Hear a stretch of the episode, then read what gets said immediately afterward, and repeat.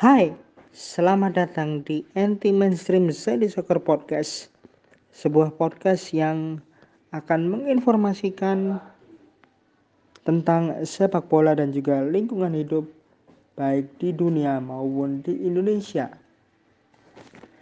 Kali ini masih barengan saya Nomo dan kita akan menjemput akan menyongsong Liga Champion Asia musim terbaru yakni tahun 2022 di mana list entrance-nya sudah rilis dan drawing akan dilakukan 17 Januari 2022 nanti di Kuala Lumpur sekitar pukul 4 sore. Tapi sebelum itu Nomo ingin mengucapkan terima kasih kepada lebih dari 40 negara dan sekitar 6.600 orang yang sudah mendengarkan podcast ini dari episode pertama. Untuk yang belum mendengarkan podcast ini, kalian bisa mencarinya di kolom pencarian pada platform podcast favorit kalian. Bisa Apple Podcast, bisa Spotify atau juga Google Podcast atau bisa juga kalian cari di Anchor. Dan baiklah, tanpa berlama-lama, kita akan segera kupas bagaimana persiapan untuk Liga Champion Asia 2022 di Sandy Soccer Podcast Anti Mainstream Football Podcast.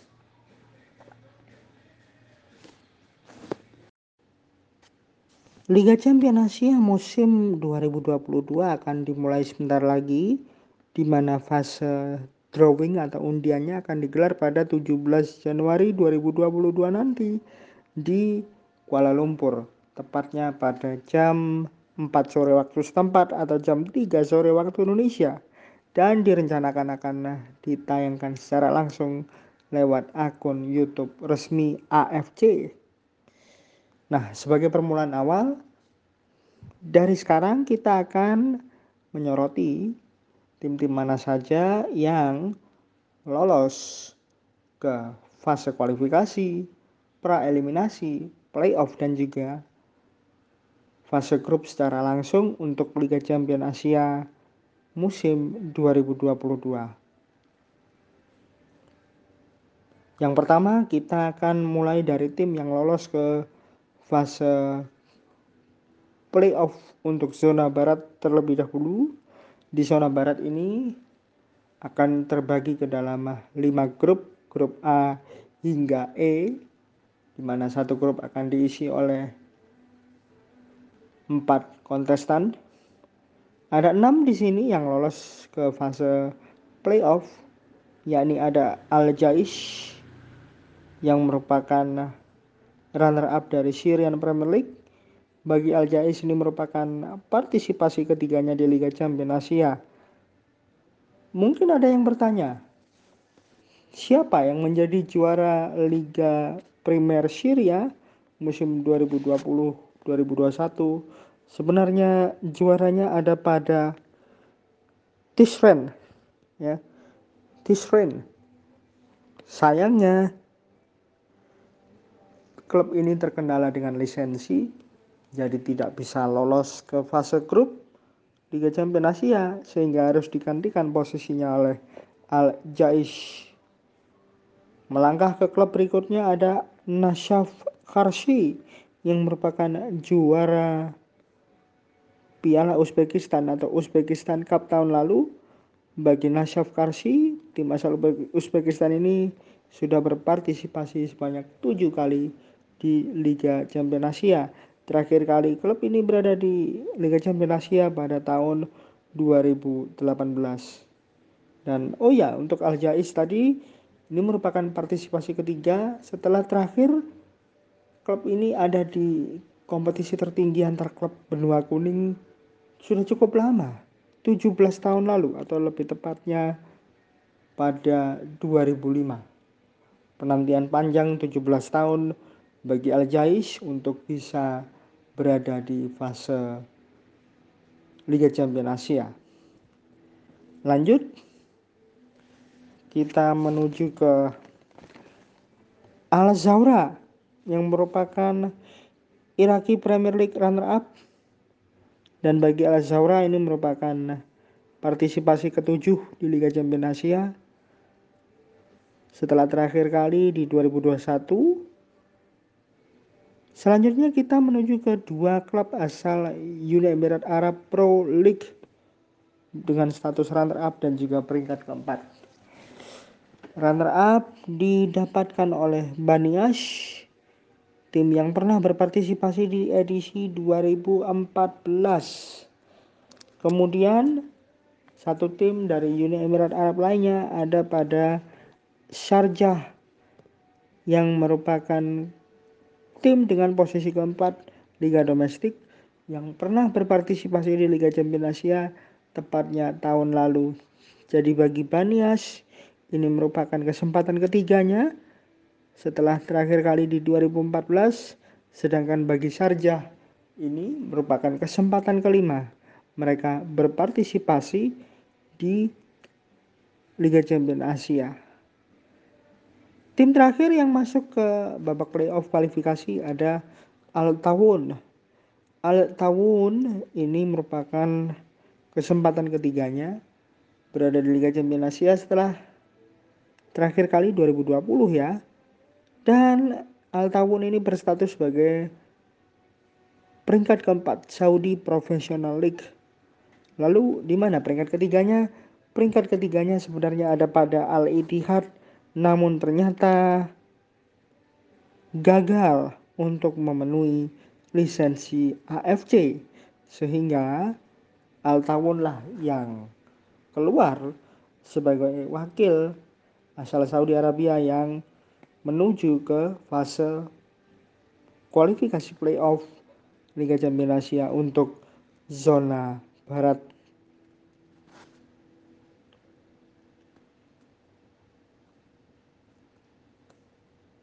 Setelah kita menuju ke kualifikasi, selanjutnya kita melangkah ya, melangkah ke klub-klub yang lolos secara otomatis di fase grup. Kita mulai dari tim Turkmenistan terlebih dahulu. Ini merupakan debutan.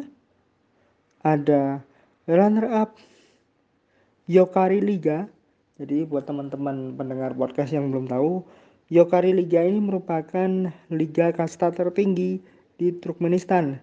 Ada nama Ahal, Ahal FC. Ini merupakan kesempatan perdana debutan di Liga Champions Asia. Berstatus sebagai runner up, sebenarnya di Yokari Liga ini juaranya adalah Altin Ashir.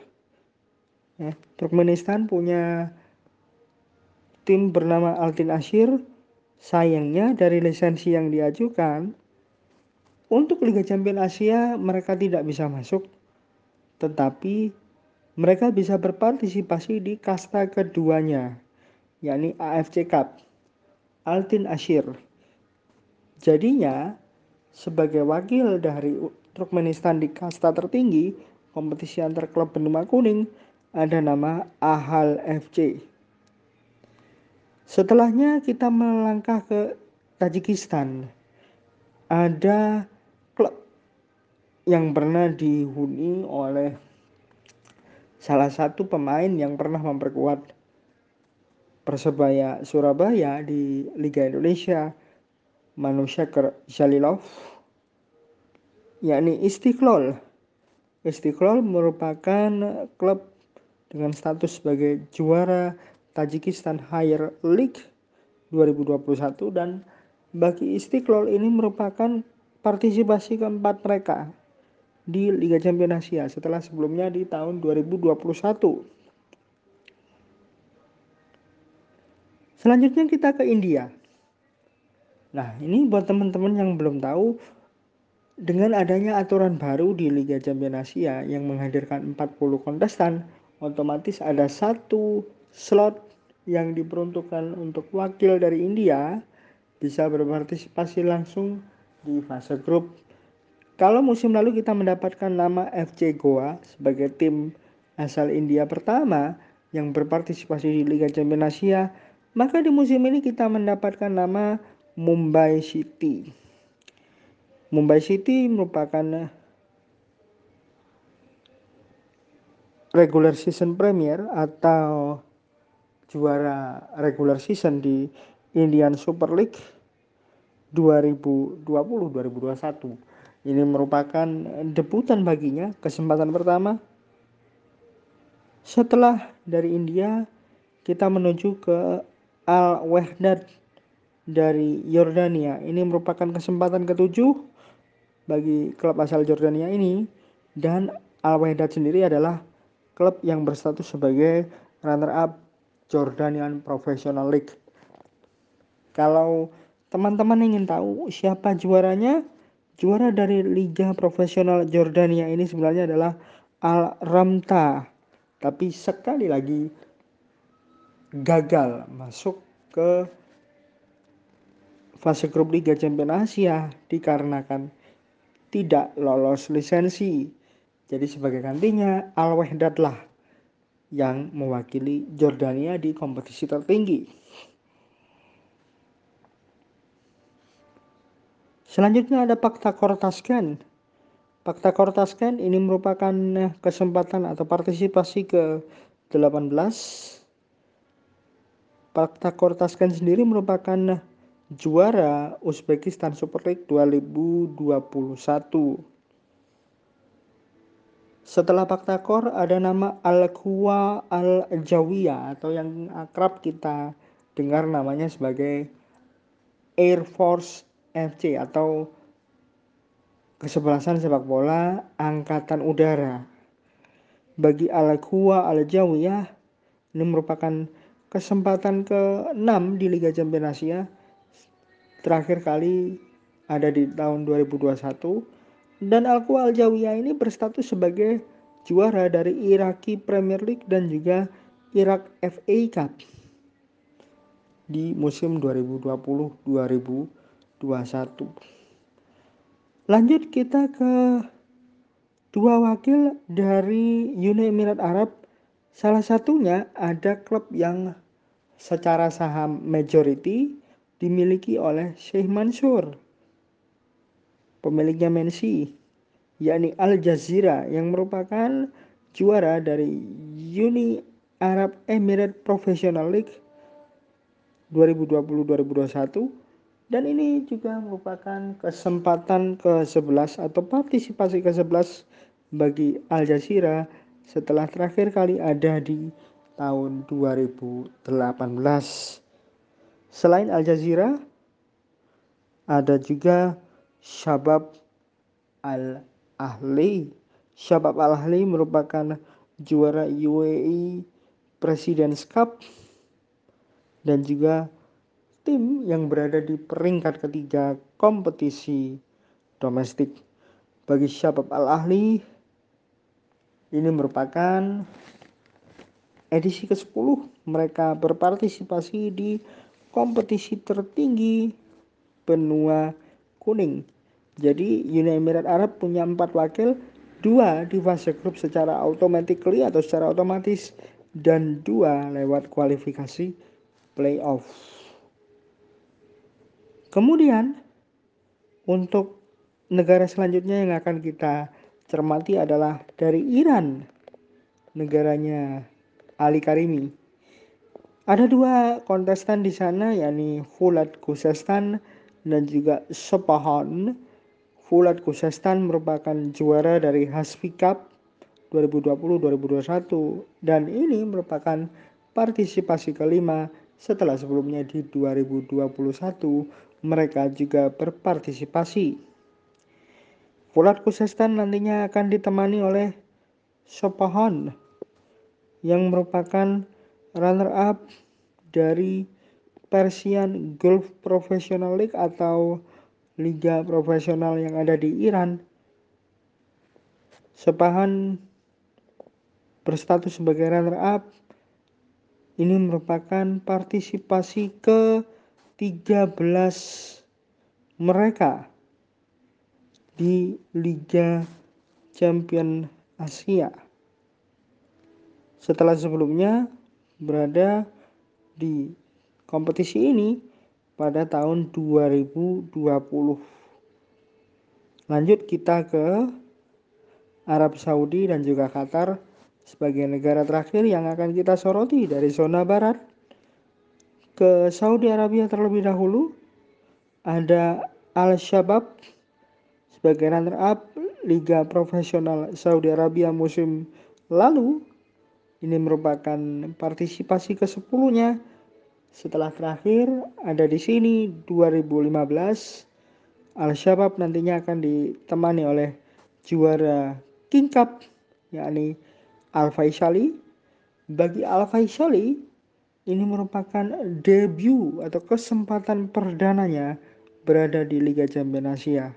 Dan tentu saja ada the defending champion atau title holder Al Hilal yang di tahun lalu atau musim lalu berhasil mengalahkan Pohang Steelers di grand finale dengan skor 2-0.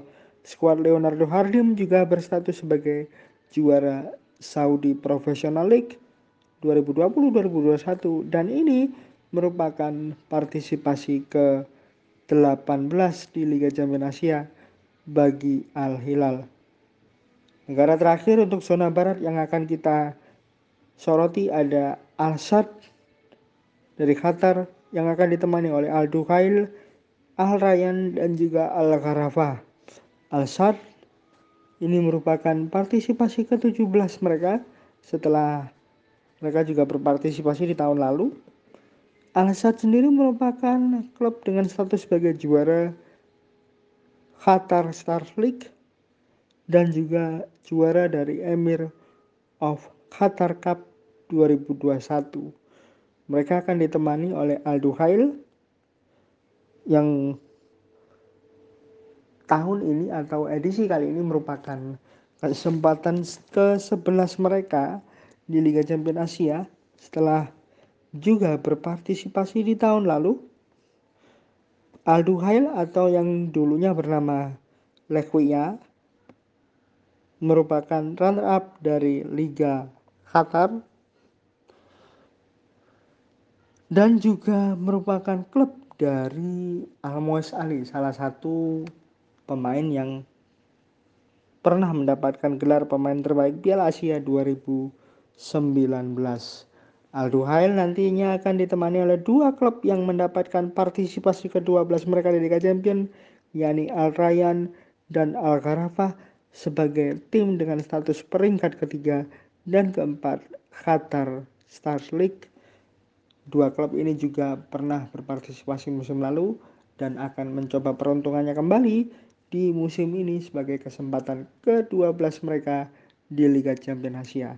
Jangan ke mana-mana, Selanjutnya akan ada sorotan mengenai zona timur, klub-klub mana saja yang masuk ke dalam entries pra eliminasi, kualifikasi dan juga fase grup secara otomatis. So, stay tune di anti mainstream Sandy Soccer Podcast. Seperti tadi yang sudah Nomo sampaikan sebelumnya bahwa kita akan menyoroti bagaimana situasi di zona timur terutama tim-tim mana saja yang masuk ke dalam fase pra-eliminasi kualifikasi playoff dan juga lolos otomatis ke fase grup karena zona timur ini juga menjadi salah satu zona yang krusial mengingat Grand Final Liga Champions Asia mempertemukan dua kontestan dari dua zona yang berbeda. Jadi tanpa berlama-lama kita langsung saja menyoroti siapa saja yang akan bertarung di zona timur mulai dari fase pra-eliminasi hingga fase grup nanti. Yang pertama ada Shan United Shan United ini asalnya dari Myanmar, berstatus sebagai Jawara Myanmar National League 2020 ini merupakan kesempatan ketiga bagi klub asal Myanmar ini di Liga Champions Asia setelah sebelumnya berpartisipasi di tahun 2020. Kalau kita lihat di sini ada sebuah catatan ya untuk tim dari Myanmar di mana sebenarnya di tahun 2021 bisa saja kompetisi diadakan, namun lagi-lagi terkendala pandemi COVID-19 dan juga situasi keamanan di Myanmar yang sepanjang tahun 2021 penuh pergolakan, penuh situasi yang mengkhawatirkan. Maka dari itu Myanmar Football Federation sebagai otoritas tertinggi sepak bola di sana memutuskan untuk memilih Shan United sebagai representasi dari Myanmar menjadi wakil dari Myanmar di Liga Champion Asia tahun 2022 ini. Setelah kita menyoroti Shan United dari Myanmar, kita menuju ke Filipina ada Kaya FC Iloilo sebagai juara dari Copa Paulino Alcantara. Ini merupakan kesempatan kedua bagi Kaya Iloilo FC di Liga Champions Asia. Dan ada catatan khusus juga mengenai Kaya Iloilo di mana ini adalah representasi dari Filipina. Sebenarnya ada satu klub lagi yakni United City. United City juga sudah lolos ke fase grup mengingat Filipina punya satu slot fase grup dan satu slot pra eliminasi. Ini adalah tim yang menjadi juara di tahun 2020. Kenapa tahun 2020 yang dipilih? Karena 2021 Filipina tidak menggelar kompetisi apa pun, baik liga maupun Paulinho Alcantara sebagai piala domestik karena terkendala pandemi COVID-19 mengingat pandemi di Filipina masih belum bisa dikontrol. Jadi kompetisi yang berjalan hanya Copa Paulino Alcantara sedangkan wakil untuk representasi dari liga hanya diambil dari liga edisi 2020. Next, kita menuju ke Australia. Ada dua wakil di sini dan ada catatan menarik. Tapi simpan itu untuk nanti karena tim pertama dari Australia yang akan kita soroti adalah Sydney AFC. Klub yang bermarkas di kota Sydney, Australia ini merupakan runner-up dari A-League regular season atau musim reguler mengingat kompetisi Liga Australia ini sama seperti MLS yang menggunakan sistem regular season dan juga playoff championship. Di fase reguler, Sydney FC berada di posisi 2 dan ini merupakan kesempatan ke-7 mereka di Liga Champions Asia setelah sebelumnya mereka berpartisipasi di tahun 2020. Yang akan menemani Sydney FC di fase pra eliminasi adalah Central Coast Mariners tapi ini masih kemungkinan. Karena menurut catatan dari AFC Australia 3 atau tim yang mendampingi Sydney FC nantinya adalah tim yang berasal dari juara FFA Cup atau Piala Federasi Sepak Bola Australia atau bisa juga dari peringkat ketiga regular season di mana peringkat tiga regular season ditempati oleh Central Coast Mariners. Sebenarnya Central Coast Mariners juga masih punya peluang untuk menjuarai FFA Cup karena mereka akan berhadapan dengan Sydney FC di semifinal. Kalau misalnya Sydney FC yang menjadi juara FFA Cup maka tidak akan ada perubahan. Kemungkinan ya tidak akan ada perubahan karena tiga slot yang ditempati oleh Australia di mana satu untuk fase selanjutnya dan di fase pertama ada dua wakil yakni Australia 2 yang didapatkan oleh Sydney FC dan Australia 3 Australia 3 ini tidak akan mengalami perubahan kemungkinan karena semuanya sudah lolos ke Liga Champion yakni Melbourne City, Sydney FC dan juga kemungkinan Central Coast Mariners. Jadi kita tunggu siapa yang menjadi Australia 3 berdasarkan hasil undian di tanggal 17 Januari nanti. Selanjutnya kita akan menuju ke tim-tim yang masuk ke dalam fase playoff. Di sini ada 6 klub, ya, sekitar 6 klub. Yang mengejutkan adalah dua dari Thailand.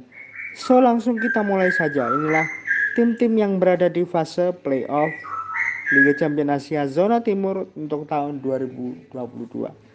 Tim pertama dari Thailand ada Port FC. Port FC ini adalah klub yang berstatus sebagai peringkat ketiga Thai League One 2020-2021 dan ini merupakan kesempatan ketiga atau partisipasi ketiganya di Liga Champions Asia.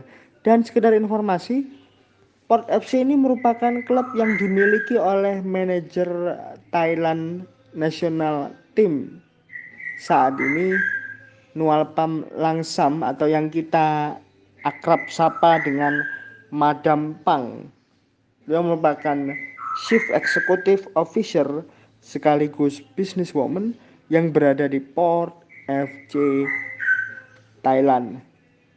Selain Port FC ada juga Buriram United berstatus sebagai runner-up Thai League One 2020-2021 bagi Buriram ini merupakan partisipasi ke-10 di Liga Champions Asia setelah sebelumnya mereka berpartisipasi di sini pada tahun 2020 yang lalu. Next kita ke Korea Selatan. Ada Daegu FC sebagai peringkat ketiga K-League One 2021. Bagi Daegu FC ini merupakan kesempatan ketiga atau partisipasi ketiga di Liga Champions Asia 2022 karena sebelumnya di tahun lalu mereka juga sudah berpartisipasi. Daegu FC akan ditemani oleh Ulsan Hyundai sebagai runner-up K-League One. Bagi Ulsan Hyundai ini merupakan partisipasi ke-10-nya di Liga Champions Asia setelah tahun lalu mereka juga ikut berpartisipasi Dua yang tersisa ada dari Jepang dan Tiongkok. Jepang diwakili oleh Vissel Kobe yang masuk ke dalam fase playoff. Bagi Vissel Kobe yang merupakan tim dengan peringkat ketiga J League One, ini merupakan partisipasi kedua setelah 2020 yang lalu mereka juga ada di sini. Ketika itu Vissel Kobe masih ada Andres Iniesta Selain Vissel Kobe, ada satu tim lain yang juga masuk ke dalam fase playoff. Mereka adalah Changchun Yatai. Changchun Yatai adalah klub posisi 4 Chinese Super League 2021. Bagi Changchun Yatai ini sangat melegakan karena bisa berpartisipasi lagi di Liga Champions Asia. Karena terakhir kali mereka ada di sini tahun 2010 jadi tahun 2022 ini merupakan partisipasi ketiga mereka di Liga Champion Asia. Setelah kita mendengarkan bersama-sama siapa-siapa saja tim-tim yang masuk ke dalam fase playoff, selanjutnya kita akan menyoroti bagaimana posisi tim yang lolos secara otomatis ke fase grup Liga Champions Asia. Kita mulai satu persatu. Yang pertama ada wakil Hong Kong sebagai juara Hong Kong Premier League 2020-2021 Kichi. Ini merupakan partisipasi ketujuh bagi Kichi setelah 2021 mereka juga berada di fase yang sama di Liga Champions Asia. Kemudian dari Singapura ada Lion City Sailors sebagai juara Singapore Premier League 2021. Bagi Lion City Sailors ini adalah partisipasi ketiga di Liga Champions Asia setelah sebelumnya ada di tahun 2019. Tetangga Indonesia, Malaysia, ada Johor Darul Takzim JDT.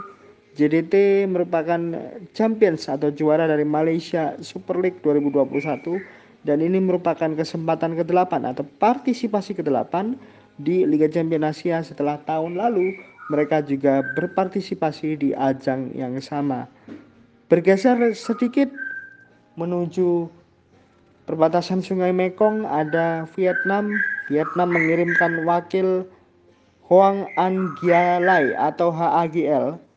HAGL ini adalah peringkat pertama sebelum liganya dihentikan di V-League 2021.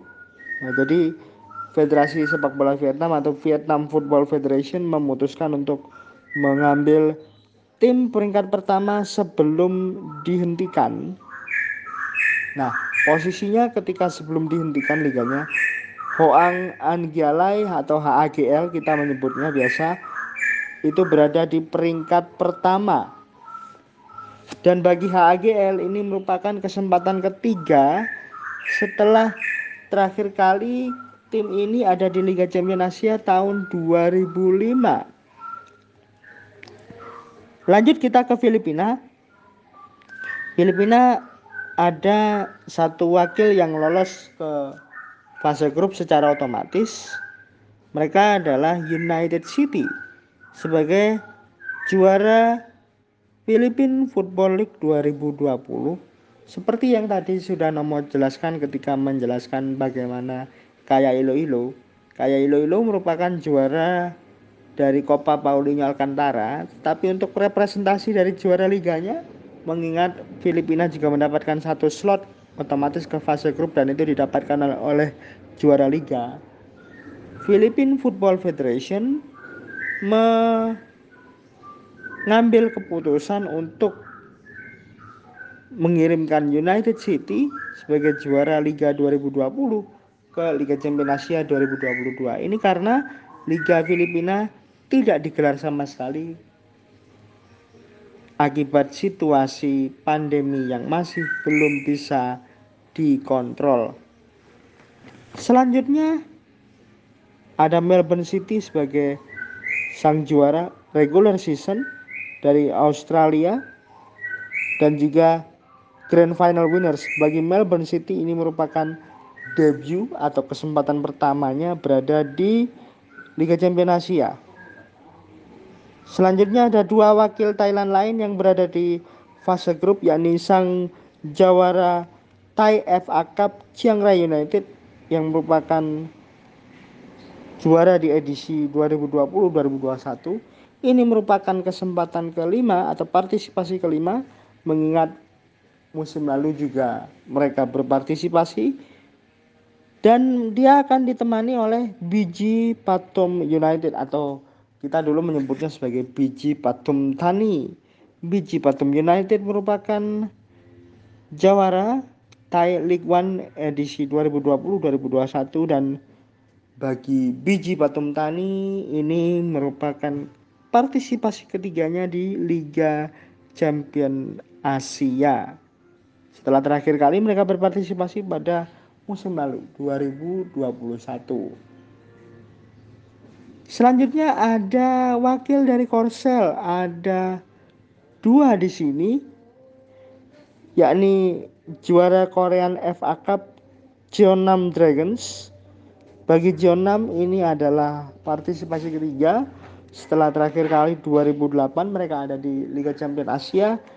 Mereka akan ditemani oleh Jeonbuk Hyundai Motors sebagai juara K League One 2021.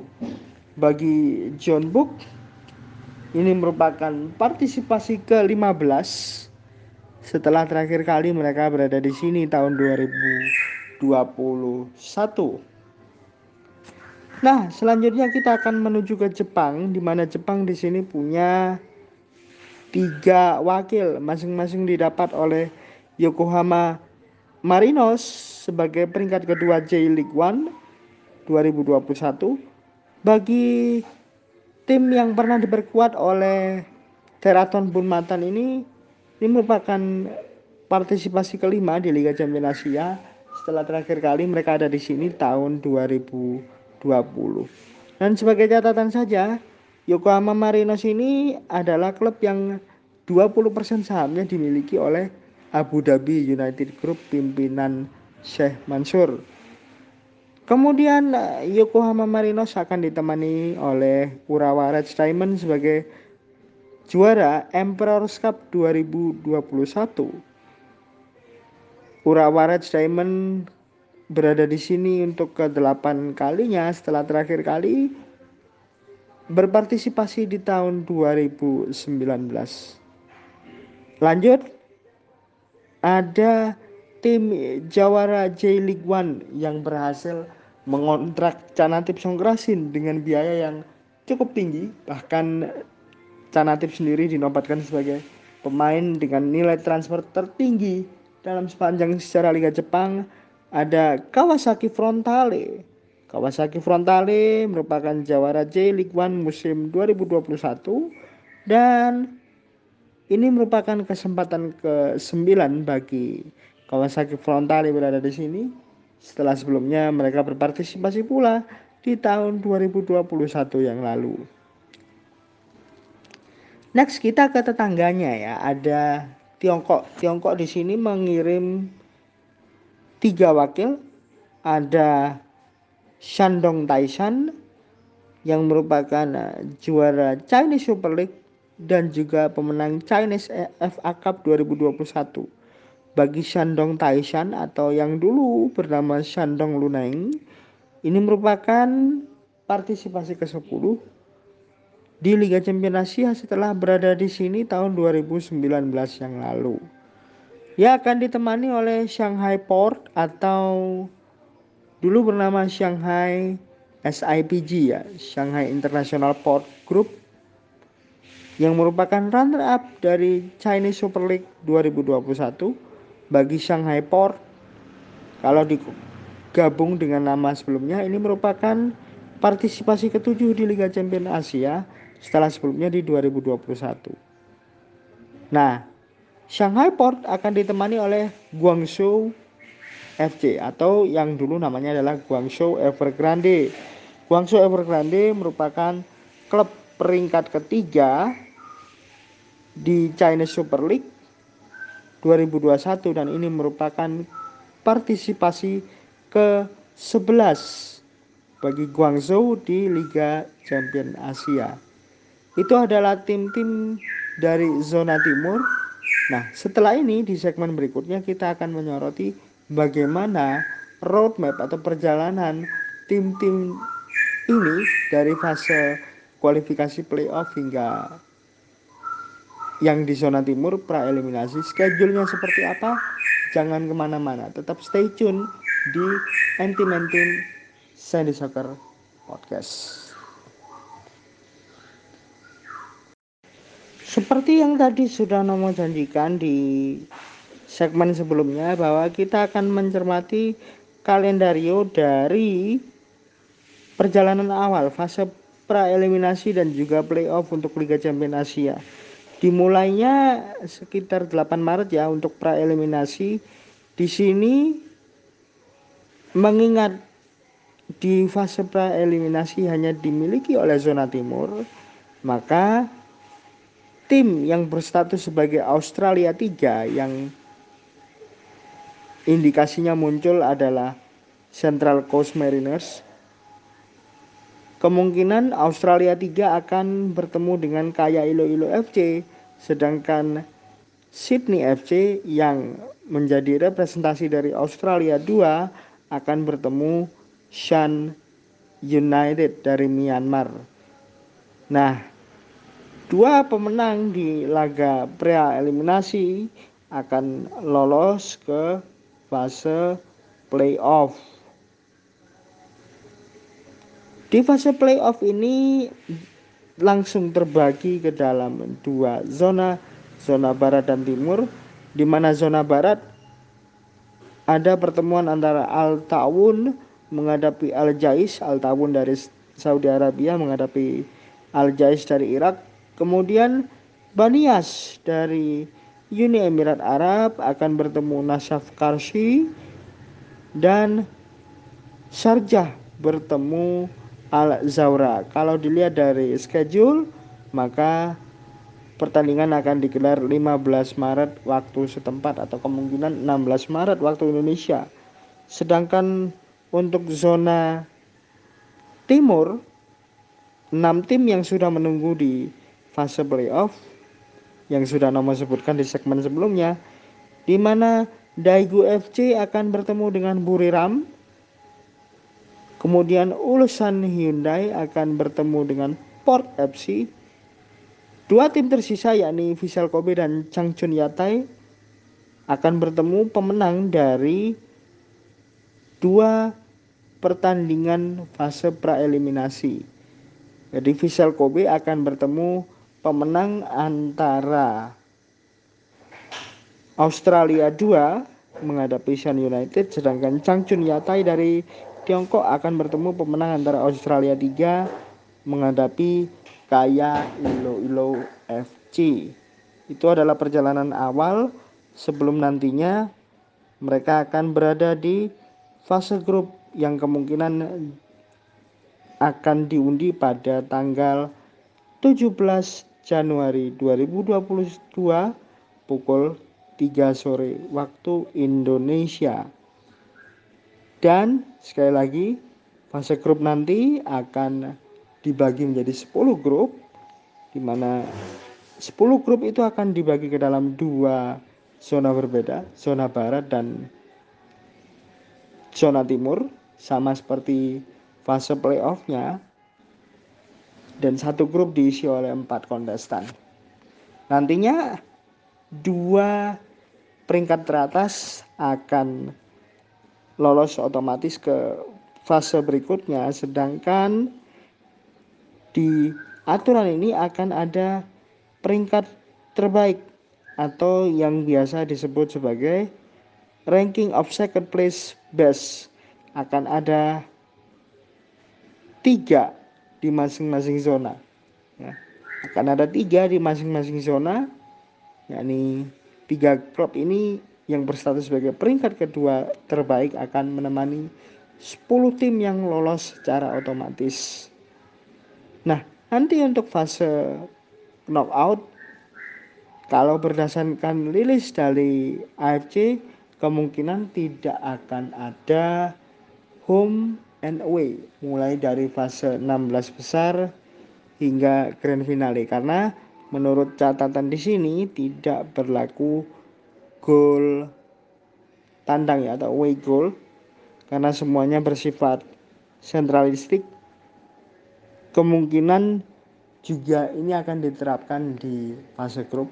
Namun kita akan tunggu rilisnya seperti apa. Tapi kalau menurut aturan tidak ada pertandingan yang berstatus away goal nanti tidak ada gol tandang jadi semuanya bersifat sentralistik venue dikarenakan pandemi yang masih melanda benua Asia.